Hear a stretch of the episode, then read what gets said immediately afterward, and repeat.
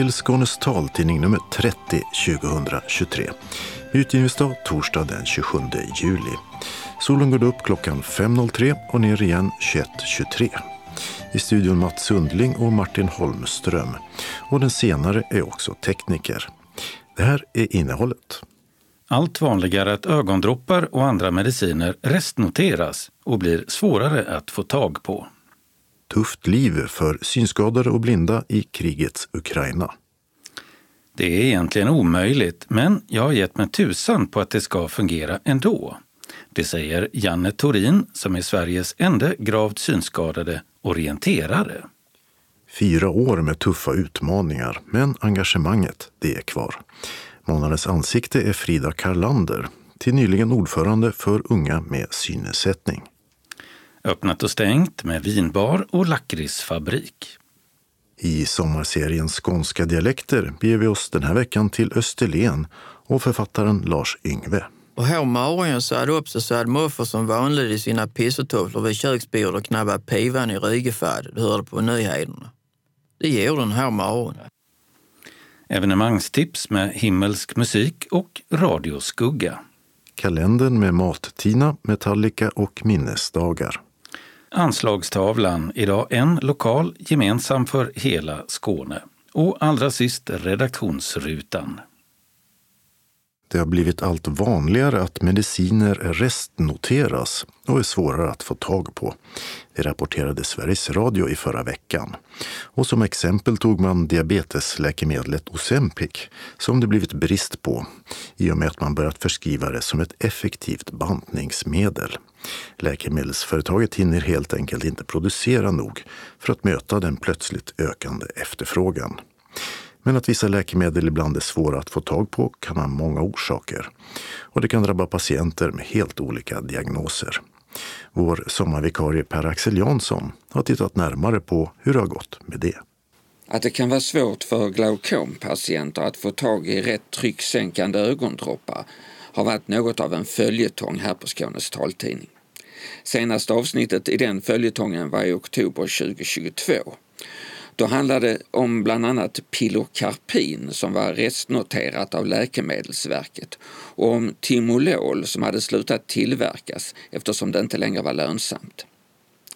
Pilocarpin är idag inte restnoterat men det innebär inte nödvändigtvis att det är lätt att få tag på. Många apotek håller det inte i lager och antingen får man beställa det eller gå till ett annat apotek. Den aktiva substansen i Timolol finns i ögondropparna Ganfort, men det är ett kombinationspreparat med ytterligare en aktiv substans och det passar långt ifrån alla. Alltså, trycksänkande ögondroppar är något av en djungel och det är inte alltid så lätt att hitta rätt i den. Det vet inte minst Ulla Göransson som är ordförande i Glaukomförbundet Syd. Till och från så finns inte preparaten på det apoteket som man kommer till. Och det betyder att man får vänta några dagar, vilket ju skapar en osäkerhet. Eh, för man får ju inte besked alltid när de kommer. Jag kan väl också säga att eh, jag får också tipset från någon här om att man alltid i förväg, han i det här fallet, han kollar alltid apotekets app där han tittar efter lagerstatus därför att eh, man får alltså söka upp olika apotek där de har preparaten. Så alla, alla apotek har inte alltid alla preparat. Det är väl en slutsats man kan dra. För min egen del så tycker jag att genom att man vänder sig till ett och samma apotek och man, som vi ofta kroniker, kroniker då har samma preparat hela tiden så är min känsla av att de vet om att man kommer med viss regelbundenhet och är service-minded idag för det är konkurrens mellan apoteken så att de brukar se till att det finns hemma. Men bakåt i tiden och osäker lite grann idag, det har ju varit stora problem kring just pilocarpin och jag har själv upplevt Diamox också, Kosop någon gång också. Så det är flera ögondroppar som eh, saknas ibland alltså? Just dagsläget kan jag inte uttala mig om, men det har varit det och är ett känt problem mellan oss eh, glaukompatienter att eh, det här med vad, att ögondockarna finns, det får vi ha lite koll på och vara ute i god tid. Det är väl vad jag skulle vilja säga. Hur stavas den? Eh, I-K-E-R-V-I-S. Ikavis. Icarvis är inte något läkemedel som glaukompatienter ska ta. Det är ett medel mot kroniskt torra hornhinnor och det är just nu restnoterat av Läkemedelsverket. Det innebär dock inte att det är helt omöjligt att få tag på. Apotekaren Tanja G på apoteket på Kirsebergstorg i Malmö hittar en förpackning på ett annat apotek i Malmö. Och eftersom just Icarvis inte är direkt utbytbart mot något annat preparat så kan den förpackningen vara guld värd för patienten. Enligt en ny lag som trädde i kraft i juli i år så kan läkemedelsbolagen tvingas betala en sanktionsavgift om de inte meddelar i god tid i förväg om de inte kan leverera en medicin. Och restnoteringarna har ökat. Första halvåret i år var drygt 1700 läkemedel restnoterade, en ökning med 10 procent. Alltså det, restnoteringen har ju alltid förekommit men det kanske har känts lite mer nu senaste tiden av någon anledning. Jag vet inte. Mm.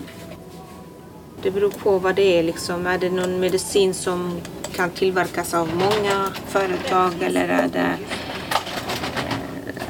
blir det någon, något problem att få tag på en särskild substans i en läkemedel, då blir det ju problem att tillverka även om det är många företag som gör det.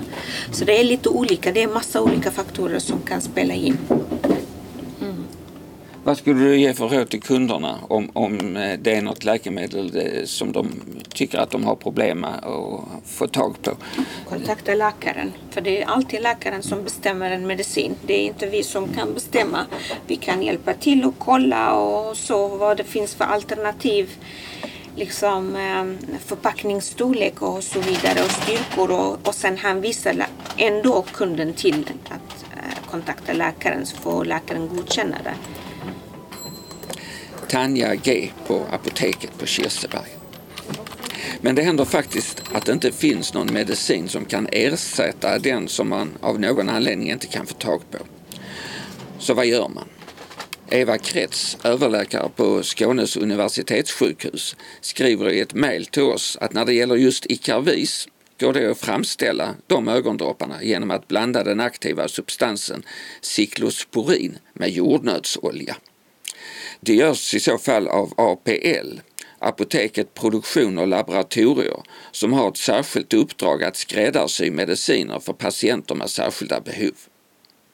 Och om medicinen finns i något annat land kan Läkemedelsverket ge sitt godkännande till att läkaren importerar den från ett annat land. Det har faktiskt Ulla Göransson varit med om och då gällde det ett trycksänkande läkemedel.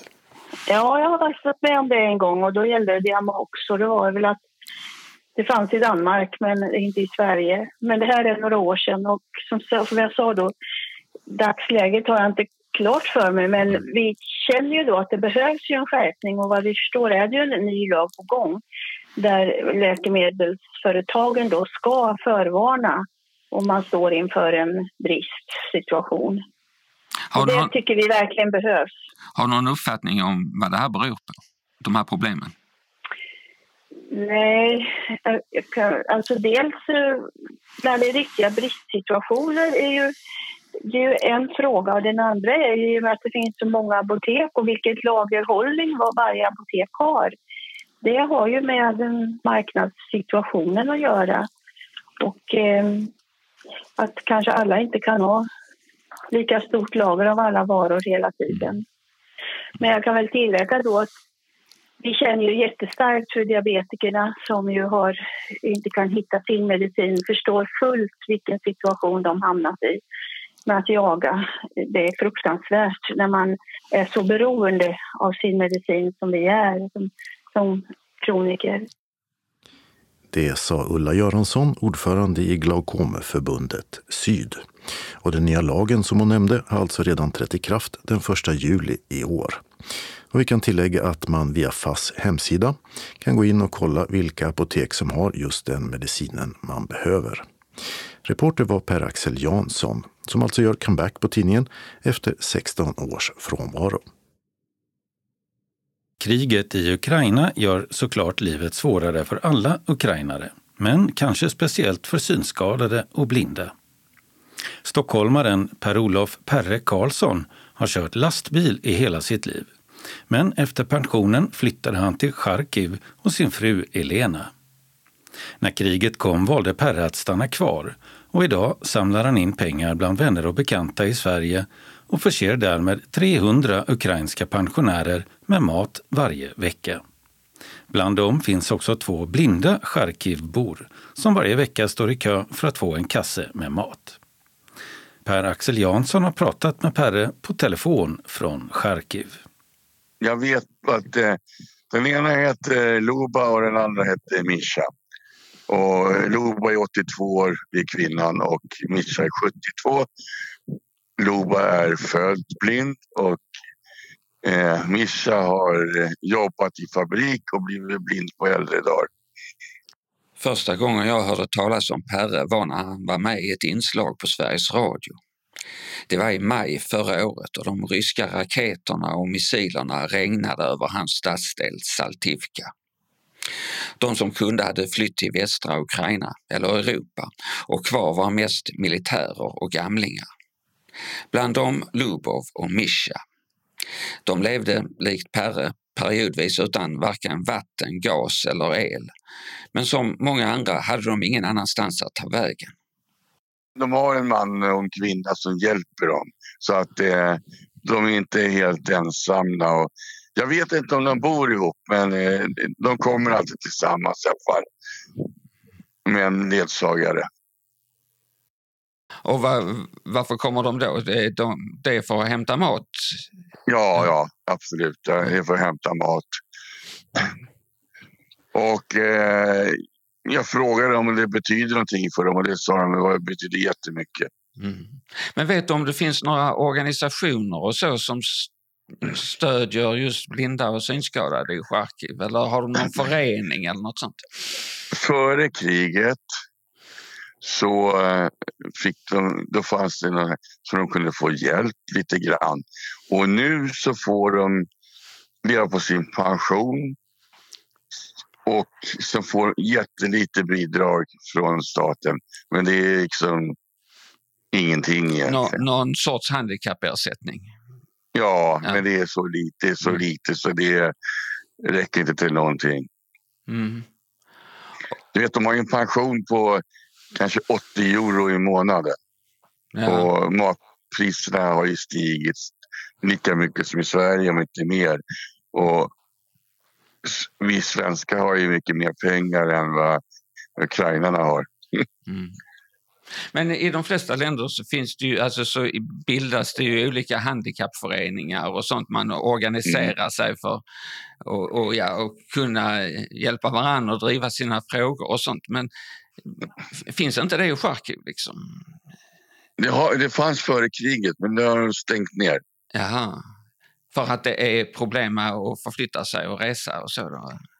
Jag vet inte varför de har gjort det. Det, det finns väl inga pengar längre. Nej. Antar jag.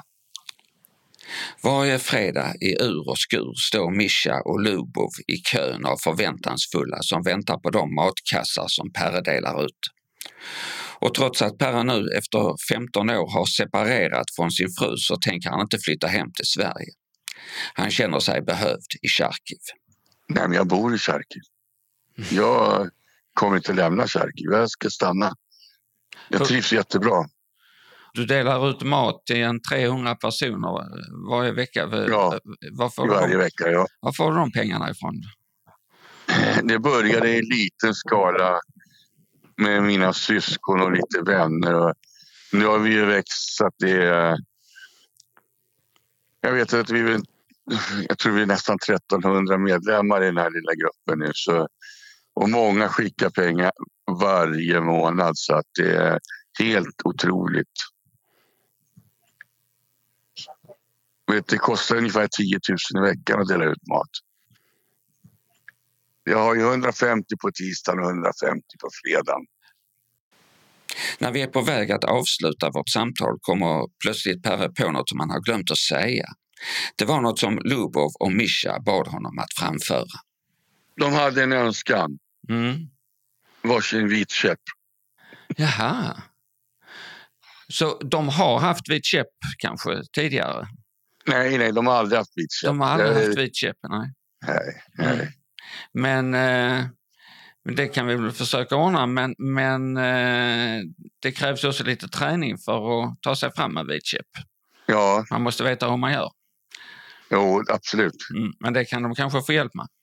Det, det, det ordnar de säkert. Ja. ja, men vi ska se vad vi kan göra.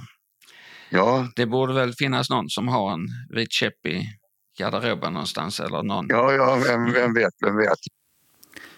Det sa Per-Olof Perre Karlsson på telefon från Charkiv.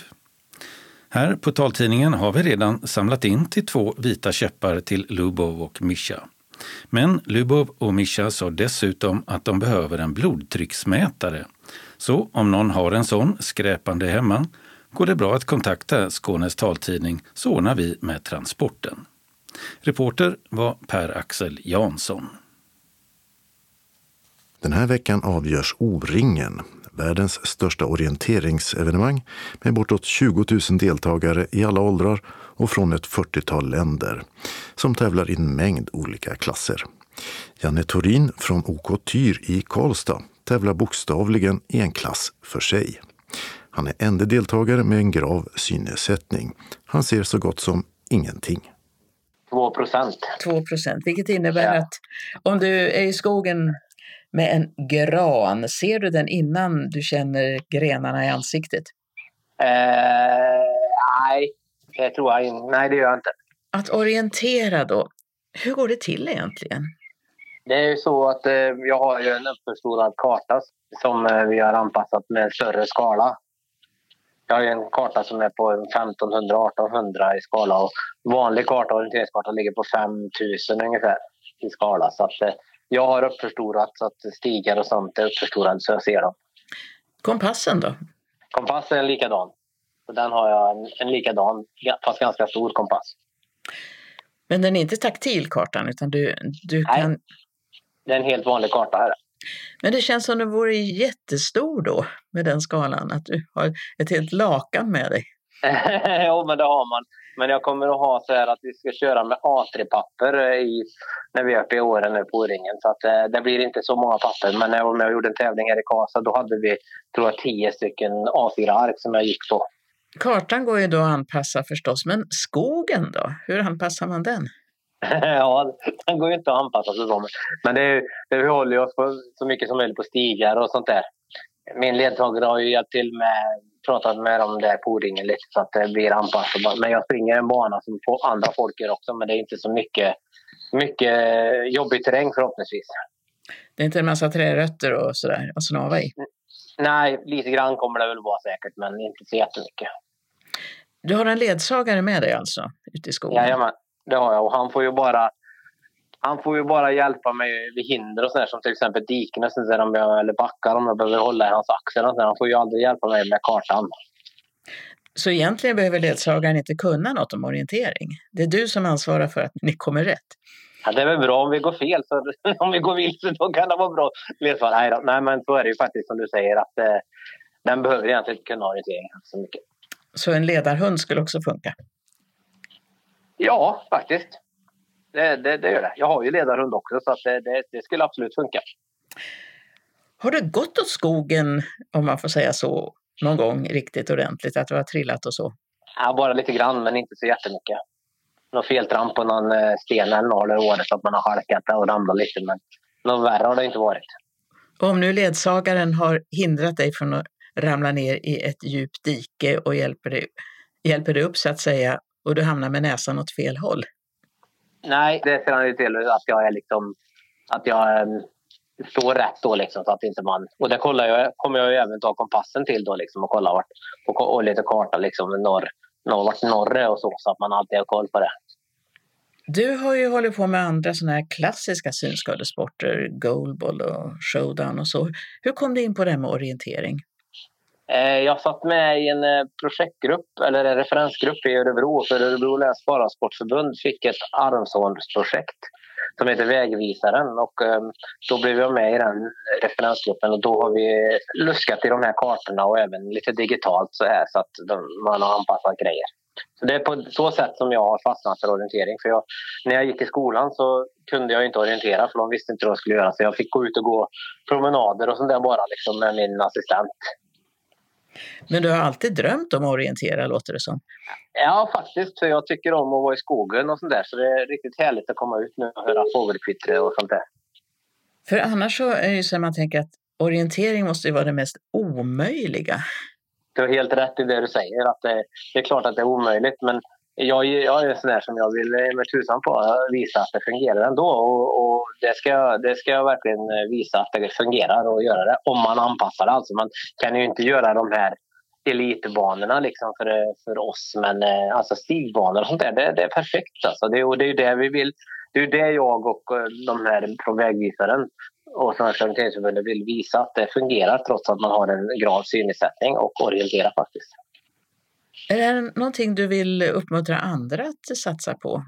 Ja, det är det, det är det jag vill. Jag vill att jag ska vara en liten inspiratör här nu så att eh, många andra som eh, har ett litet intresse av orientering ska försöka att, att komma ut. Och det är jätteenkelt att anpassa kartorna. Har man bara en jättebra eh, skrivare eller sån här kopiator så kan man anpassa kartorna jättebra. Mm. Så att, eh, jag, jag hoppas att jag kan inspirera folk att komma ut. Vad krävs det av någon som vill börja med orientering?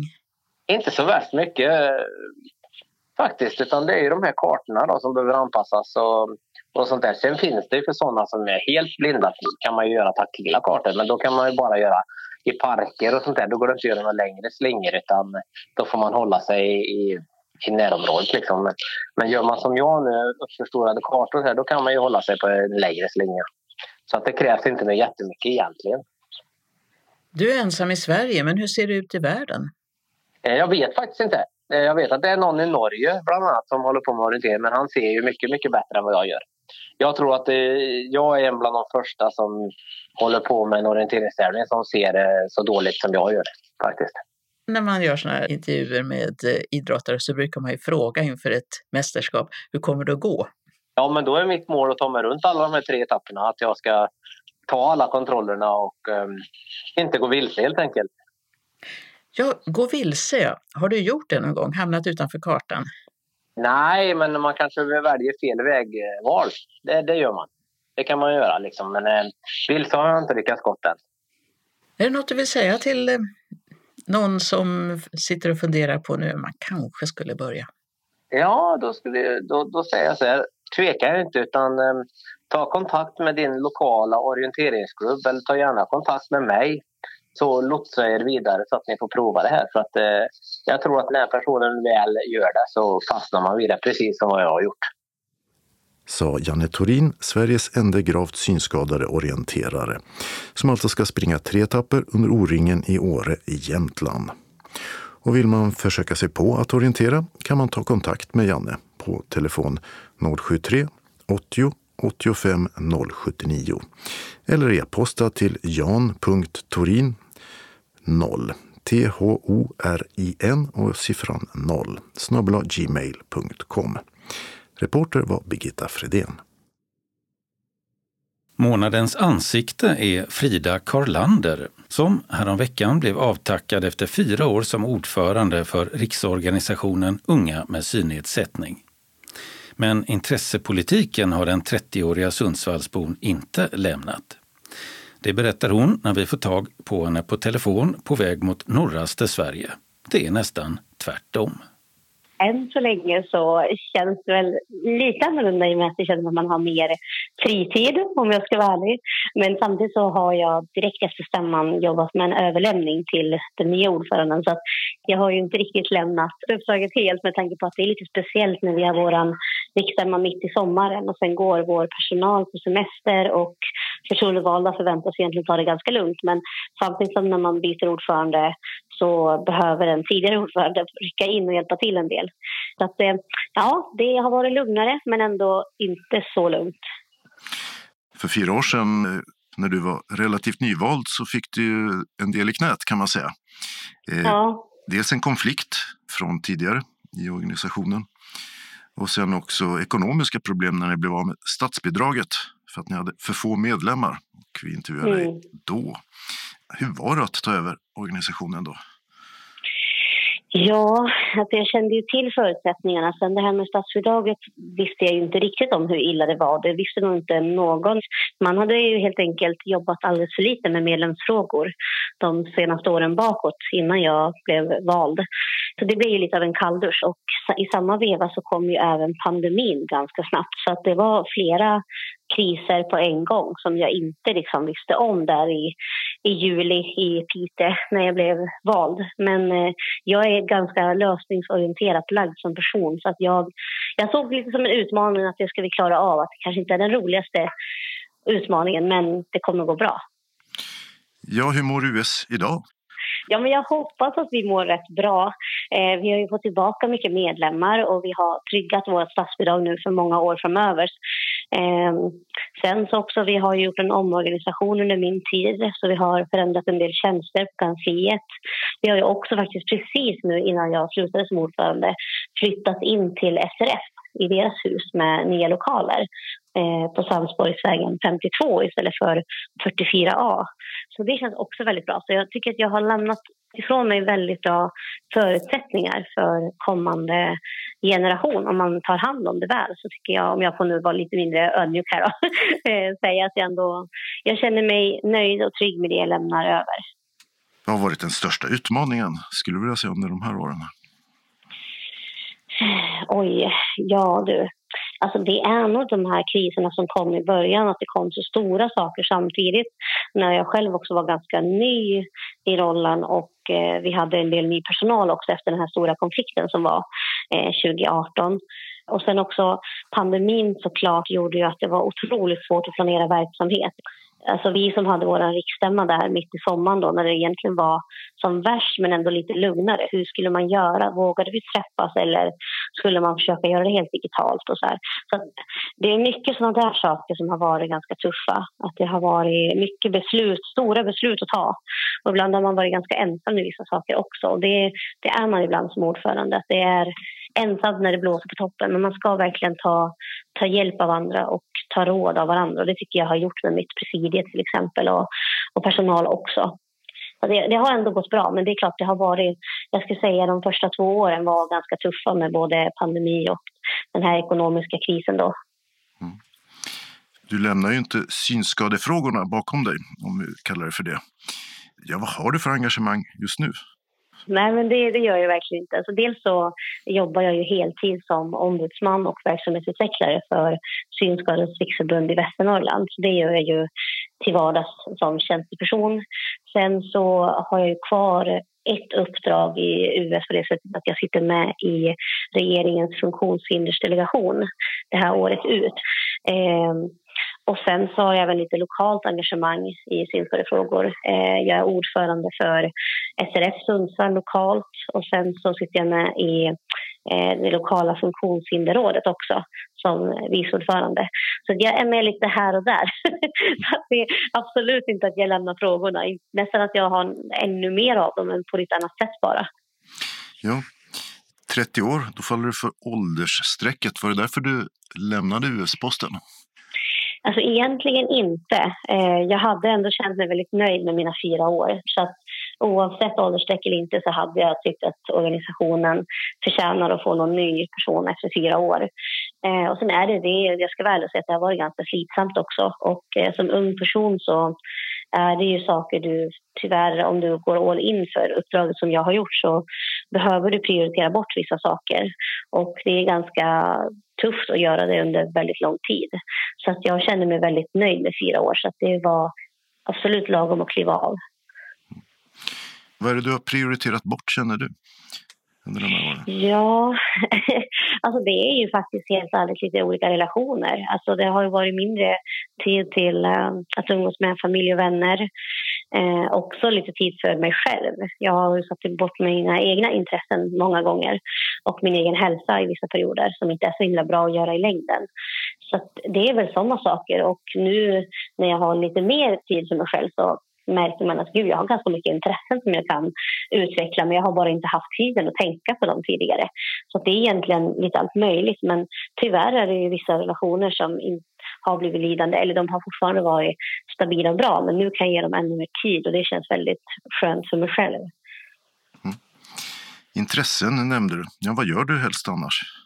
Ja, men jag, är ju, jag är ganska kreativ som person så att jag gillar Alltså dels att laga mat, testa att lära mig nya maträtter. Det har inte alltid funnits så mycket tid till det när man har haft det här uppdraget förut. Då. Och sen så har vi börjat faktiskt med en drejningskurs. Det är jätteroligt att få skapa någonting med händerna och bara gå in i en bubbla. Um, och sen så lyssnar jag mycket på böcker, poddar, ser på serier. Um, ja, vad gör jag mer?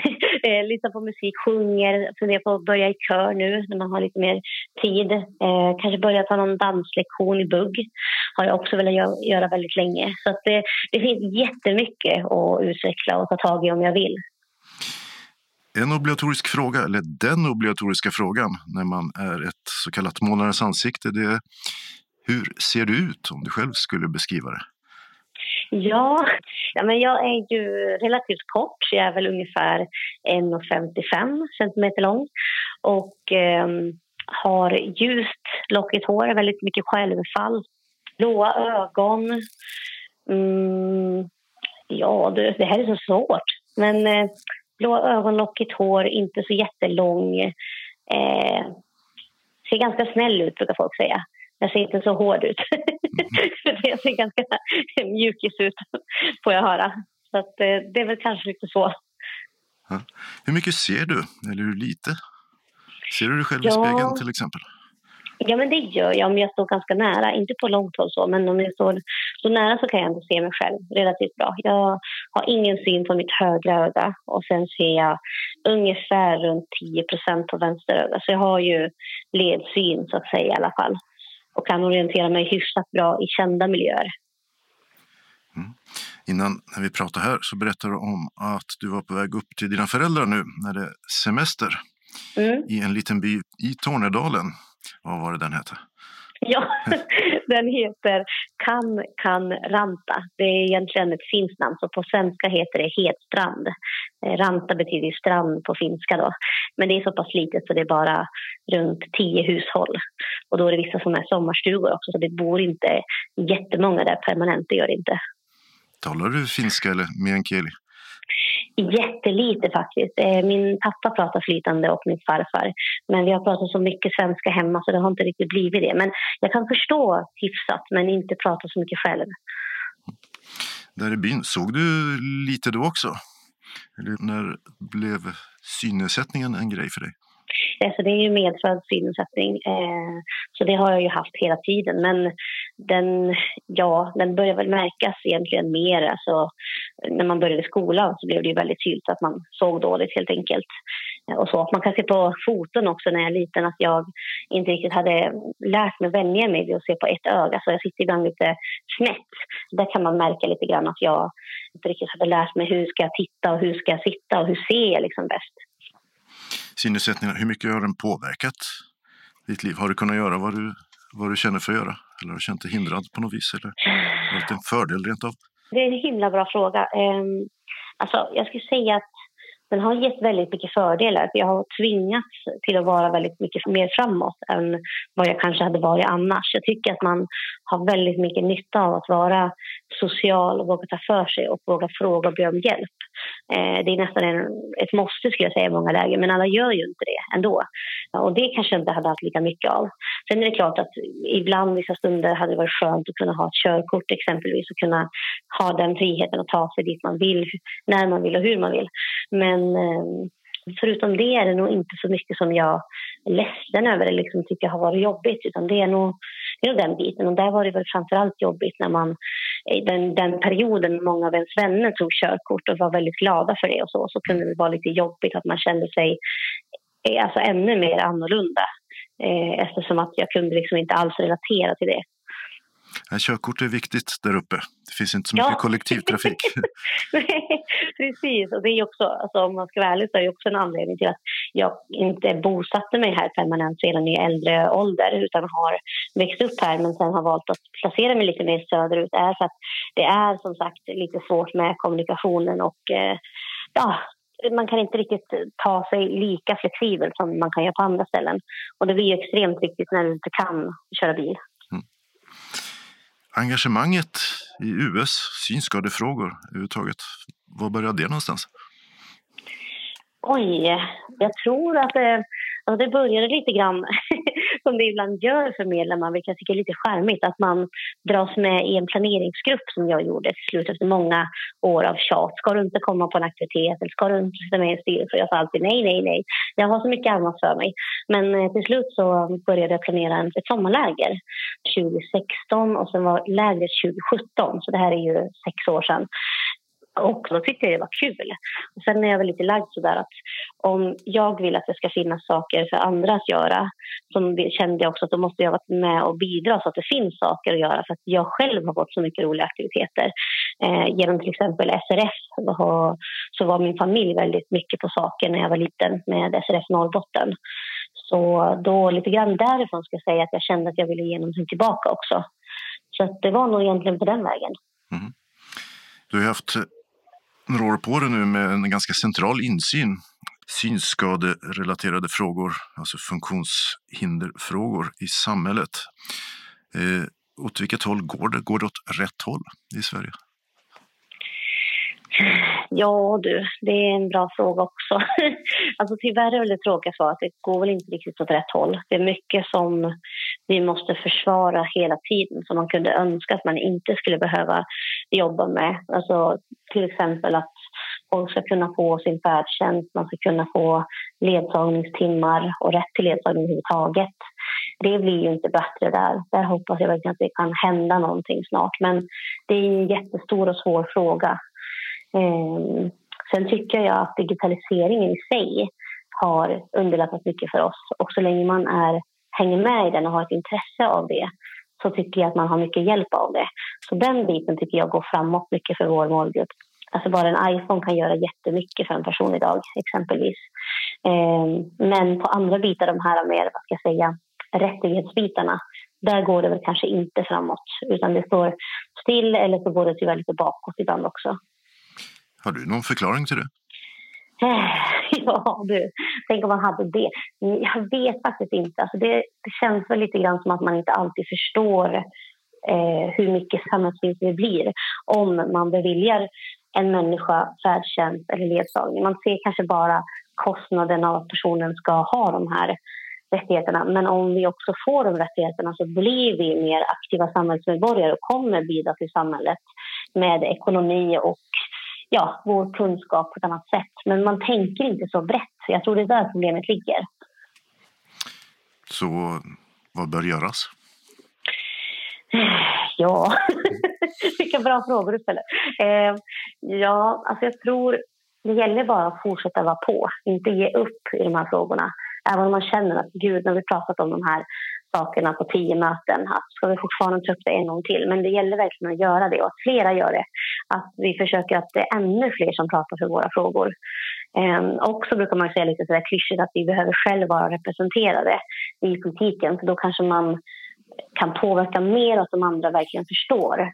Och det tror jag väldigt mycket på. Och det går inte att tvinga in folk i politiken och så, men jag tror verkligen att det finns fördelar med det. För att idag, det är svårt tror jag för fullt seende exempelvis då att förstå, förstå vår situation om man inte har någon som man har träffat eller liksom lever lite närmare.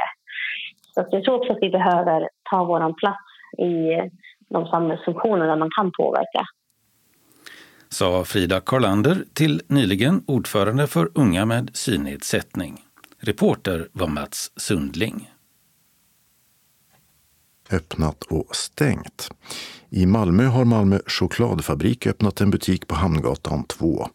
Och förutom choklad säljs där också glass från egen tillverkning. Mellan Brantevik och Skillinge och uppe på en höjd har stjärnkrögaren Daniel Berlin öppnat mat och vinbaren Vy som ett första steg mot både hotell och restaurang på platsen. I Knislinge har Café Hack i Östra Göinge Golfklubbs lokaler varit stängt sedan slutet av förra året. Men nu ska det vara öppet igen, fortfarande med smörrebröd på menyn. På Helsingborg C, alltså före detta Knutpunkten, så har Lakritsfabriken öppnat en ny butik. Förutom lakritsprodukter säljs även kaffe. I Helsingborg har Reko Sushi på Kolmätargränd stängt. Restaurangen på Tågaborg finns dock kvar. Och på Kolmätargränd ska den 5 augusti TNA, Korean Street Food, öppna en ny restaurang. I Kristianstad har blomsterhandeln Bouquet på Kardellgatan 19 stängt. Butiken med samma namn på shoppingcentret C4 finns kvar.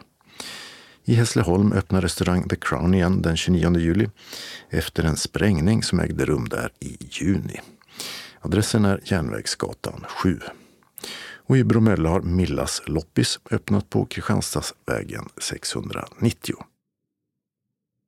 Nu ska vi göra en dialektal tur till Ystad och ut på Österlen, där seriefiguren och romanfiguren Nils Ude finns. Och det gör även hans skapare Lars Ingve, till vardags högstadielärare i Tomelilla. Det är dags för ett nytt avsnitt i vår sommarserie Skånska dialekter. Och först ska Lars Ingve i ett klipp ur Månadens ansikte i maj 2014 berätta lite om Nils Ude och samtidigt om sig själv. Nils Ude utestänger ingen. Han, han försöker vara kompis med alla. Eh, kommer det någon ny till hans by så vill han lära känna och kolla vad det är för en. Då, är, då blir han Nils Udes granne. Han har alltid tuppalua och går i gummistövlar och så, så, overall, stalloverall. Alltså Nils Ude, när, när jag tar på mig den här kavajen och slipsen och de där gamla eh, kläderna som egentligen han har på sig för att han klär sig fint ju. Så, eh, ja, då blir jag den personen helt enkelt. Det, det, det är jättekonstigt att förklara men, men eh, jag går tillbaka på den tiden när jag var liten och, och lyssnade på vad de vuxna sa och hela den biten. Och... och den här kunskapen, vad de vuxna sa och hur de sa det, den har Lars Yngve använt sig av i sina böcker och serietidningar på bygdemål. Nej, den första boken var lite lurigt för att jag skriver ju exakt som morfar pratade. Och det är ju ganska, eller det var väldigt svårt innan jag hade kommit in i det. Va? När det var bandy på tvn så kunde han inte se bollen eftersom bilden var så dölig. Och morfar sa, och glid på bandy på tv det är lika tusen som att höra ballett på radiolen. För att det finns ju liksom inte något rättstavningsprogram eller, eller något annat att tillgå. Det är klart att man kan ju... Alltså folk har ju skrivit på bygdemål i många år va? Men, men det här är liksom... Detta är direkt som från Löderup, Haggesta 27 så snackar man där ute när jag var liten. Och jag växte upp med detta. Så, det, det, det, så att jag har liksom själv eh, lagt in eh, de här A och O och U liksom för att, eh, så att det låter som, som i, i min tankegång. Det, det, är många från trakten va, som som tittar vad där står så, så förstår de inte så läser de det högt för sig själva. När man väl har kommit in i det, man måste liksom få över den tröskeln så, så, blir, det, så blir det lättare. Och morgonen så hade också så hade morfar som vanligt i sina pissetofflor vid köksbordet och knabbat pivan i rygefad. Du hörde på nyheterna. Det gjorde den här morgonen. Men det roliga är ju då att i dessa tider då allting ska vara snabbt, lätt eh, konsumeras omedelbart. Och ingen har tid till någonting längre. Så kommer här alltså böcker som man måste sätta sig ner och tänka och läsa högt för sig själv och läsa två gånger och förstå liksom. Och sen när man har gjort det så måste man förstå humor. Så att det är liksom många koder som måste knäckas. Va? Och det är ju väldigt glädjande att en sån, om man nu får uttrycka det som en okommersiell sak som en bok på gammalskånska, att det uppmärksammas och uppskattas och köpes och läses. Ja, detta sades när vi intervjuade Lars Yngve för nio år sedan, våren 2014, då vi satt på Wallander kända Fridolfs konditori i Ystad. Men hur står det till med det skånska bygdemålet idag? Och hur har Nils Ude det? Jo då, han, han mår bra. Alltså, senast han var ute i hetluften, om man får kalla det för det, så var det ju med fjolårets jultidning. Alltså serietidning med Nils Ude som seriefigur. De sålde slut väldigt snabbt alltså. Det vi behöver i regionen förstår du, det är ju en, en tecknad anti-actionhjälte. Och eh, bygdemålet är alltså fortfarande aktuellt och när vi träffades för nio år sedan så eh, hade det ju kommit även i textboksform och som ljudbok. Hur är det på den sidan? Jag, jag gjorde två CD-skivor. Den andra då, Morfar jag heter den, där eh, spelar Peps som jag var god vän med. Han, han skrev en låt som heter Nils Udes blueskatarr Eh, och spela in den så den är med. Morfar han är sulten och tråcklar smörmat redigt bra. Ja, morfar han är sulten. Han tråcklar smörmat redigt bra. Men det har jag även där Ranelid, eh, han, han läser Nils Ude i, på, på gammelskånska som, är, som är roligt att höra för han, han har ju ganska så speciell artikulation i, i, sin, i sitt språk. Jag ringde till lysmasken som eh, lovade att komma så fort han kunde. Fast eh, efter halva dagen hade gått skulle det visa sig.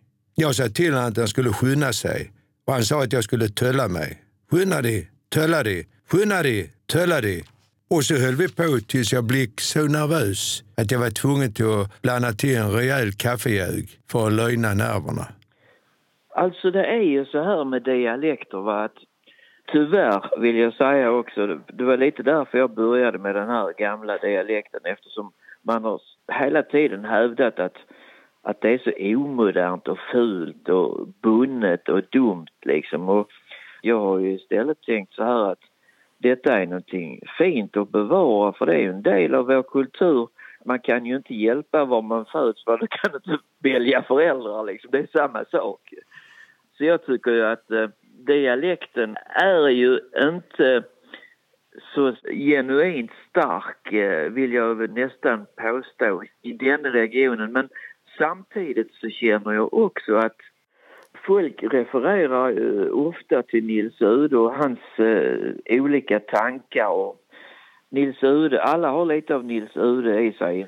Men de yngre människorna, flertalet, pratar ju inte på det här gamla viset. Inte ens jag. Alltså, jag gjorde en intervju med en tidning en dag så var min frus moster här så ville inte hon sitta med under, under, under intervjun så jag gick in och och hällde upp kaffe och sånt till henne och det pratade vi. Sen när jag kom ut så sa de till mig att när du började prata med den gamla damen, då hände någonting.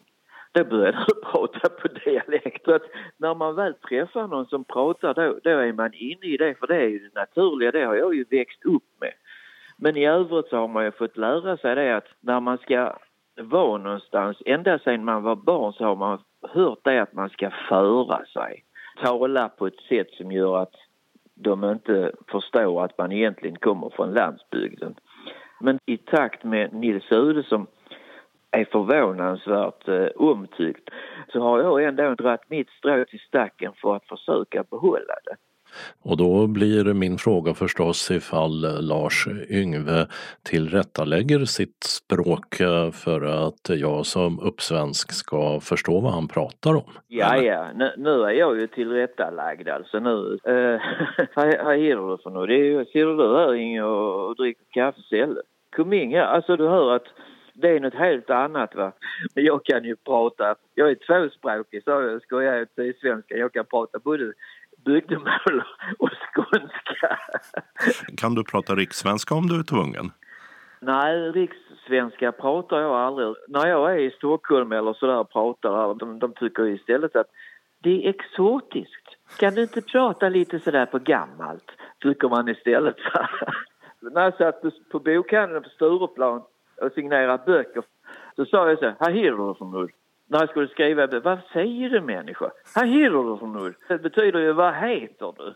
Men eh, till vardags så pratar jag nog så här när jag är, så att säga, jag undervisar i skolan och är lärare. Va? Och även eleverna i skolan tycker det här är kul.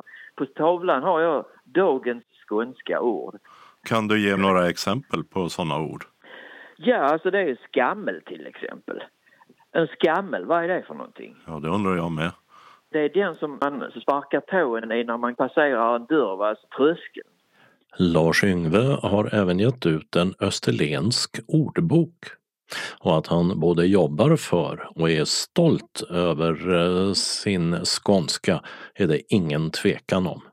Detsamma gäller för dragartisten Robin Werner, alias Elektra. Jag märkte faktiskt precis innan vi spelade in Drag Race att jag blev lite stött för att jag såg att det var mycket skriverier när vi hade haft eh, två skånska programledare i Melodifestivalen. Och det snackades mycket om att men vad fan kan inte Skåne ha sin egen Melodifestival och, och de där Skåneskämten är väl inget kul och sådär. Och då bara kände jag så. Jag såg också någon kommentar på sociala medier om just skåningar och när det släpptes då att jag skulle vara med så var det något litet klipp där jag säger någonting med spirkhaga och det var någon som skrev att äh, ut med skåningen direkt liksom. Så att när hela Sverige sen har börjat bröla på skånska, unna dig, så känns det absolut som... Äh, jag känner att jag är väldigt, väldigt stolt över det och det är nog för att jag är en stolt skåning. Det vore tråkigt om alla ska prata likadant. Är du välkommen hem till mig Här blir det redigt och galet partaj Har du följt Robin Werner som i drag heter Elektra och hans Unadai? Vad tycker du om att plötsligt så sprider sig det här som en löpeld över landet och de säger säkert Unadai uppe i Korpilombolo också. Ja, ja, men det är väl bara bra. Det är både kul och bra va? och det är samma som den serien Den tunna blå linjen. Va? Backa nu när jag tröttnar på riktigt! Äntligen får man höra någon från Skåne som pratar skånska. Om du tänker dig en gammal Wallander-film, för alla i Ystad pratar Stockholmsdialekt. Jag måste åka nu. Ja, kan jag lita på nu att du tar med dig kortleken nästa gång? Ja, jag ska ta med mig kortleken. Var har du fått det här ifrån? Från eh, Linda såklart. Den första som var skåning på tv, jag vet inte om det var Lasse Holmqvist. Nu är det lördag och i många hem så sitter folk och har ätit och tagit sig ett par supor, de har tagit ett par groggar och de röker och bolmar och så ska de... Eller Sten Broman. Välkomna till den allra sista tävlingen i musikfrågan Kontrapunkt. En undran om vi backar till det här med att du skriver fonetiskt som du menar att det låter, du tänker fram det. Har du pratat med någon språkforskare om eh, detta? Är det någon som har intresserat sig för det? Nej, det kan jag inte säga. Det är det faktiskt inte. Utan det är snarare så att jag är ute och berättar om det här va, med, med hur dialekter har kommit till och ords tillblivelse. Va. Vikingarna tog ju ordet vindöga. Vindöga det var ju ett hål uppe i nocken där de stod och tittade ut. Men när jag var liten och min morfar han sa till mig att jag skulle stänga fönstret så sa han typ vindöd. Och det är ju som jag säger, vindöd är ju fortfarande fönster på danska. Hur är det då? Lever de skånska bygdemålen i högönsklig välmåga på till exempel Lars Yngves eget Österlen? Det var ju lite grann, jag, jag vet inte vad jag ska svara, men, men alltså jag skulle nästan vilja säga istället att den verkar i det tysta mer än vad man tror. Förstår du vad jag menar? Hur kan ett mål verka i det tysta? ja, ja, jo det är därför att all, den ligger latent så att säga. Och plötsligt så, så um, knäpps den igång. Va? Alla här i regionen har den latent. Så att när det väl träffar på någon, någon um, som pratar bygdemål och gammaldags, va? Då, då, då knäpps det igång. Va? Det är nästan som man tänker en vilande agent. Man hör ett ord och så, och så plötsligt så hör man okej, okay, nu är jag igång. Men det är därför jag tycker det är roligt att prata med gamla människor. Och det jag har upptäckt här, det som alla andra säger, och det är en riktig klyscha, att ju äldre man blir desto mer intresserad, nyfiken blir man på den platsen där man faktiskt kommer ifrån och har vuxit upp. Det lokala blir allt viktigare med åren. Det är väl min slutsats alltså. Och morfars tre hårstrå ställde sig som tre antenner eftersom hon blev klok på att hon hade köpt en kvinntimmersblus Åh, sicket elände, som han Pepsan diktar. Är karren, han bustar upp sig och. Ja, Tocken han är karren, han bustar upp sig och är tuff.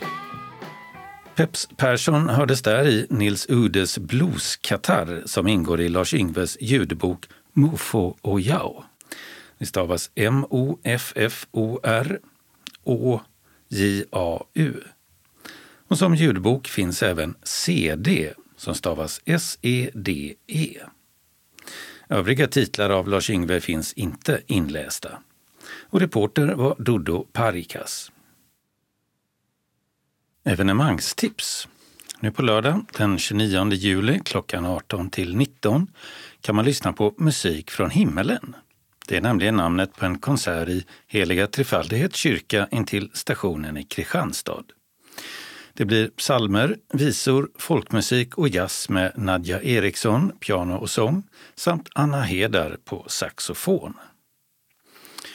Samma kväll, 29 juli, med början klockan 21, uppträder Dan Hylander och hans åttamannaband på Solhällan i Löderup med adressen Parkgatan 5 i just Löderup.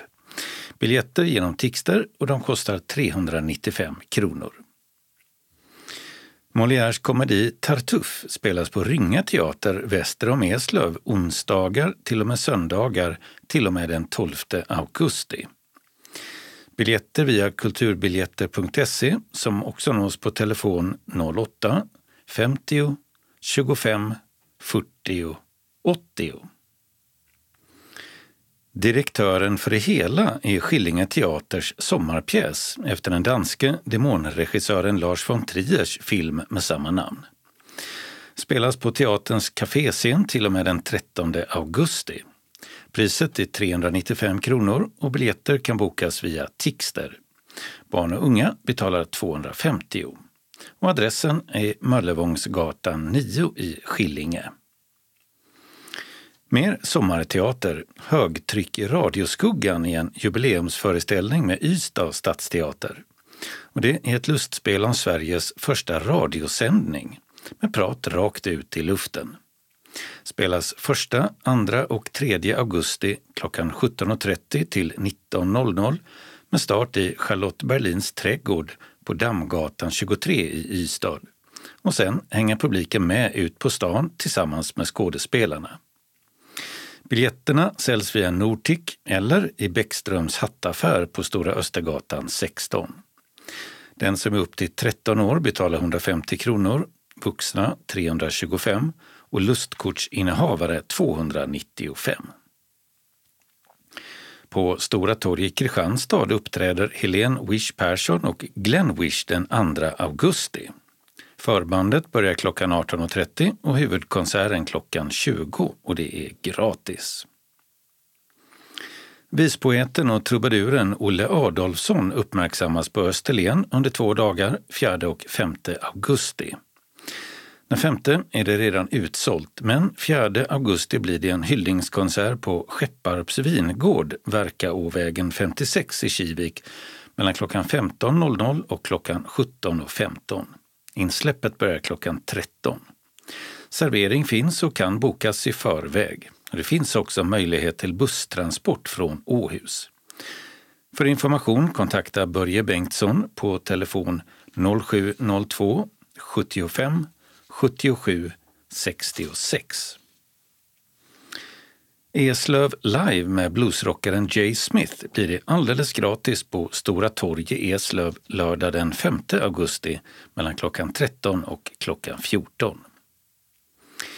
I Ekestads Folkets park spelar trumpetaren Håkan Hardenberger och Arildkvartetten med flera musiker den 5 augusti klockan 15.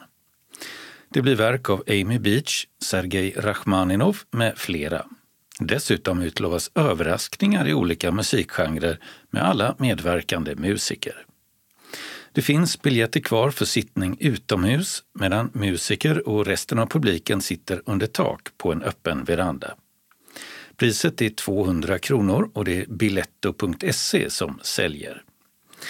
Ekestad ligger i norra Skåne vid Råbelövssjöns norra ände. Och den som prenumererar på vårt evenemangsmail, som är gratis, får en direktlänk till försäljningen. Malmöfestivalen pågår i år mellan 11 och 18 augusti och här är några tips. På festivalens stora scen på Stortorget spelar Bob Hund fredag den 11 augusti klockan 21.30.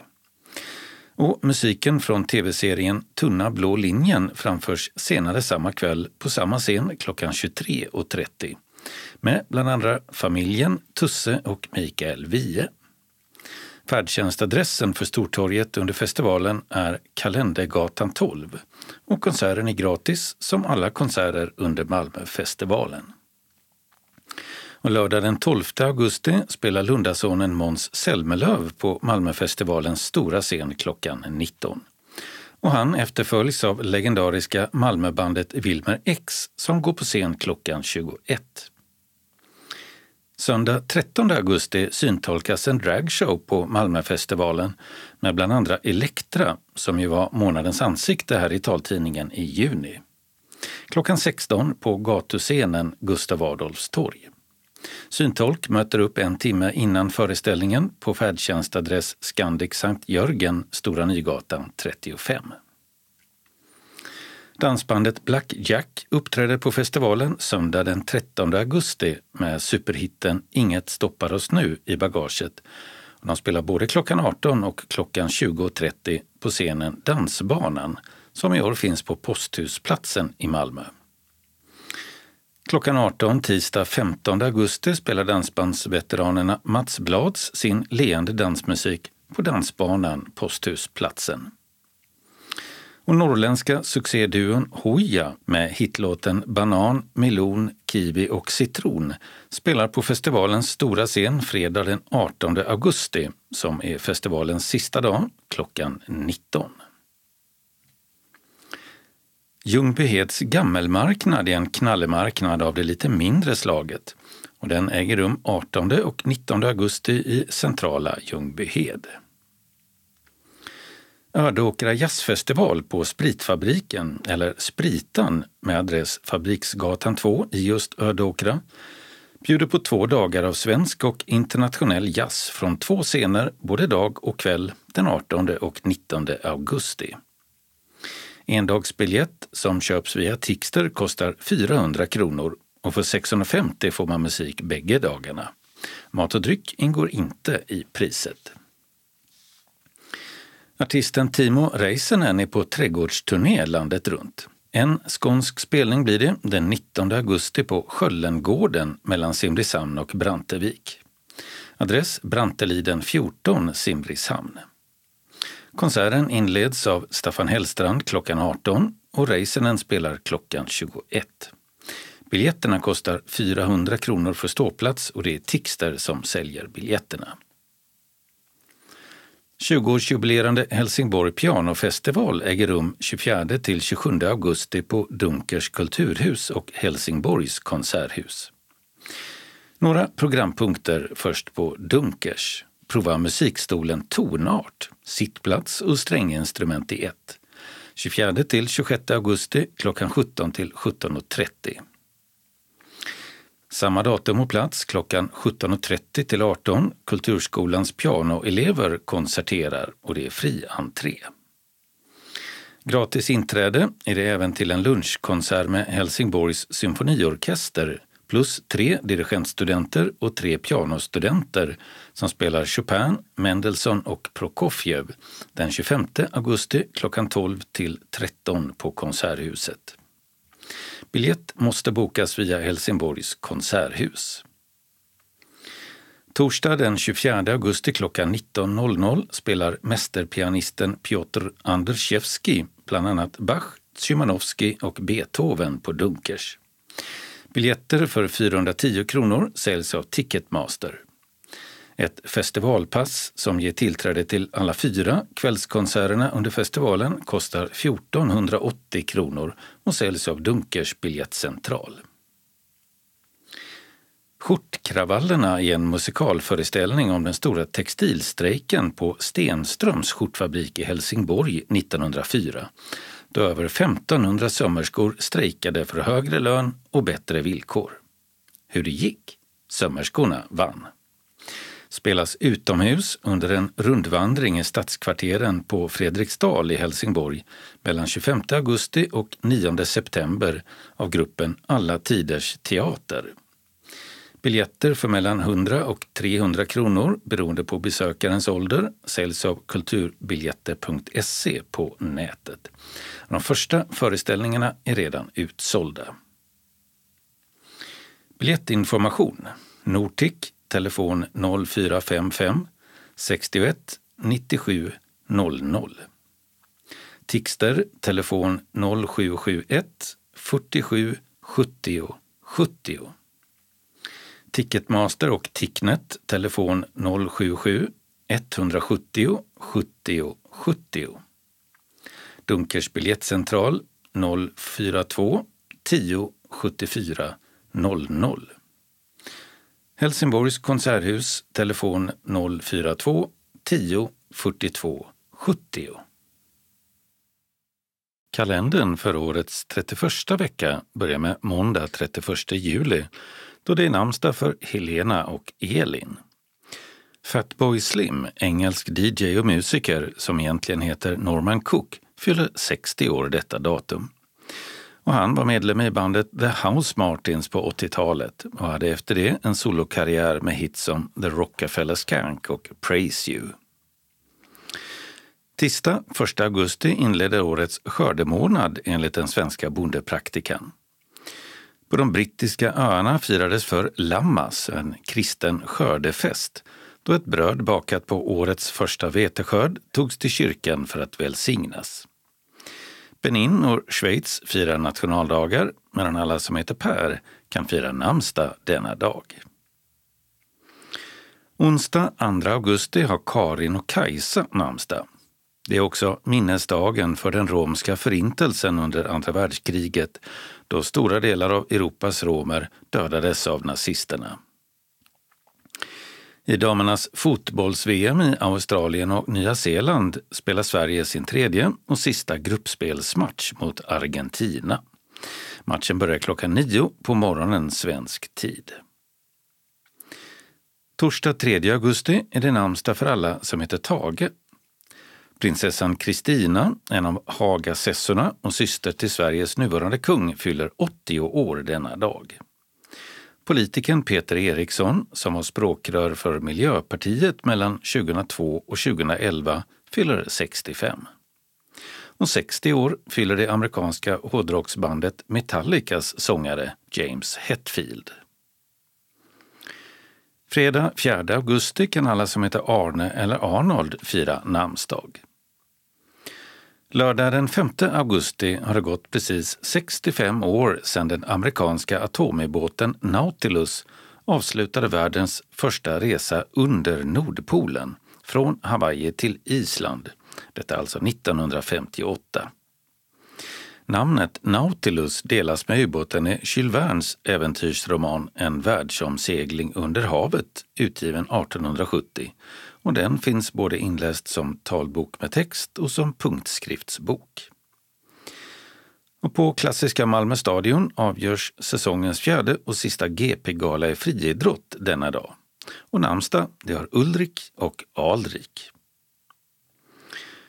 Och söndag 6 augusti är det Hiroshima-dagen för att minnas offren för de amerikanska atombomberna över Hiroshima och Japan i andra världskrigets slutskede.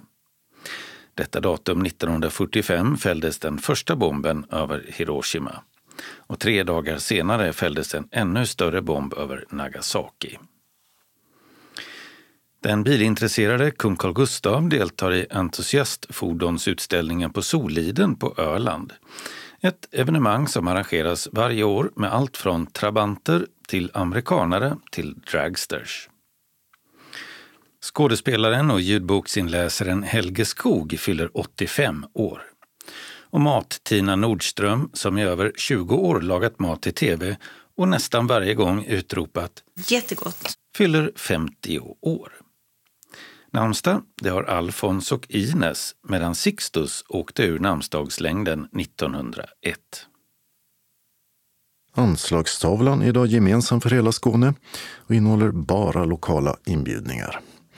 Synskadades förening Kristianstad-Bromölla och Östra Göinge bjuder in sina medlemmar att prova på konstsmide lördag den 2 september klockan 9.30 till 16. Adressen till hantverket är Kajevägen 4 i Arkelstorp. Leif Lang, som är vår handledare, hjälper oss att skapa en ljusstake genom att böja och bocka en plåt. Det ingår förmiddagsfika, lunch och material i priset. Ta med dig ett par trädgårdshandskar. Och det blir max fem personer per tillfälle. Anmälan senast den 17 augusti till Anita Svensson på telefon 044 533 09. Om Anita inte kan svara, var vänlig anmäl till telefonsvararen så ringer hon upp. Det går också att anmäla på e-postadressen anitasvensson109 gmail.com. Uppge vid anmälan namn och aktivitet samt matallergi. Anmälan är bindande.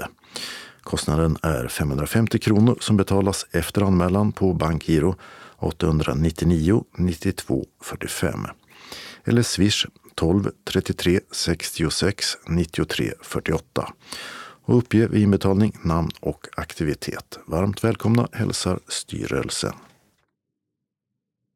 SRF Lundabygden har några inbjudningar. Först till en promenad i Stadsparken torsdag den 10 augusti.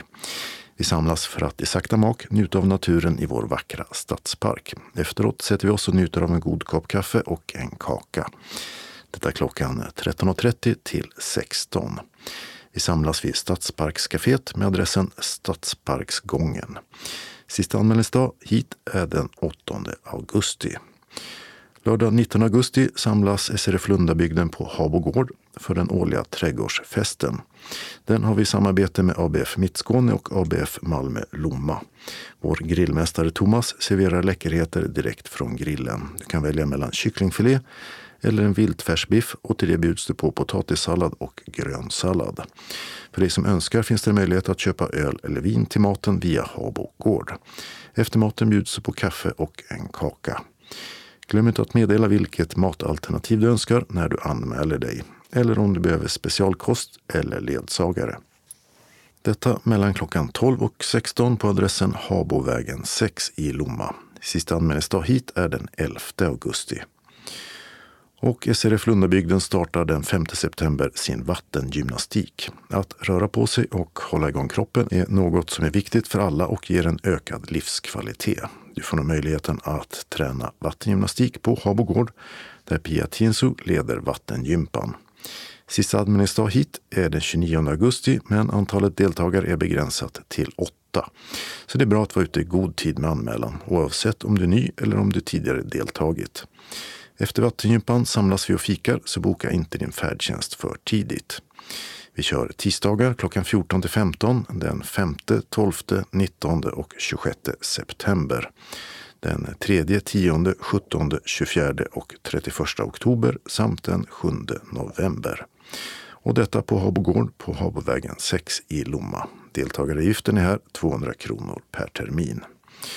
Och du anmäler dig till kansliet som bemannas igen den 7 augusti på telefon 046-211 06 74 eller e-posta till lundabygden srf.nu. Det är ingen deltagaravgift utom för trädgårdsfesten och den är då 100 kronor att betalas till bankgiro 506 99 92 eller via swish 123 587 82 44. Du kan även kontakta kansliet om du önskar få ett inbetalningskort. SRF Malmö Svedala bjuder in till en hyllning till Edith Södergran på Palladium. Det blir en känsloladdad kväll med musik och poesi där två av Sveriges främsta uttolkare av Södergrans konst, skådespelerskan Stina Ekblad och sångerskan Anna Kruse, står på scen. Detta lördag den 16 september klockan 16. Föreställningen är 75 minuter utan paus och priset är 250 kronor. Ledsagare går kostnadsfritt.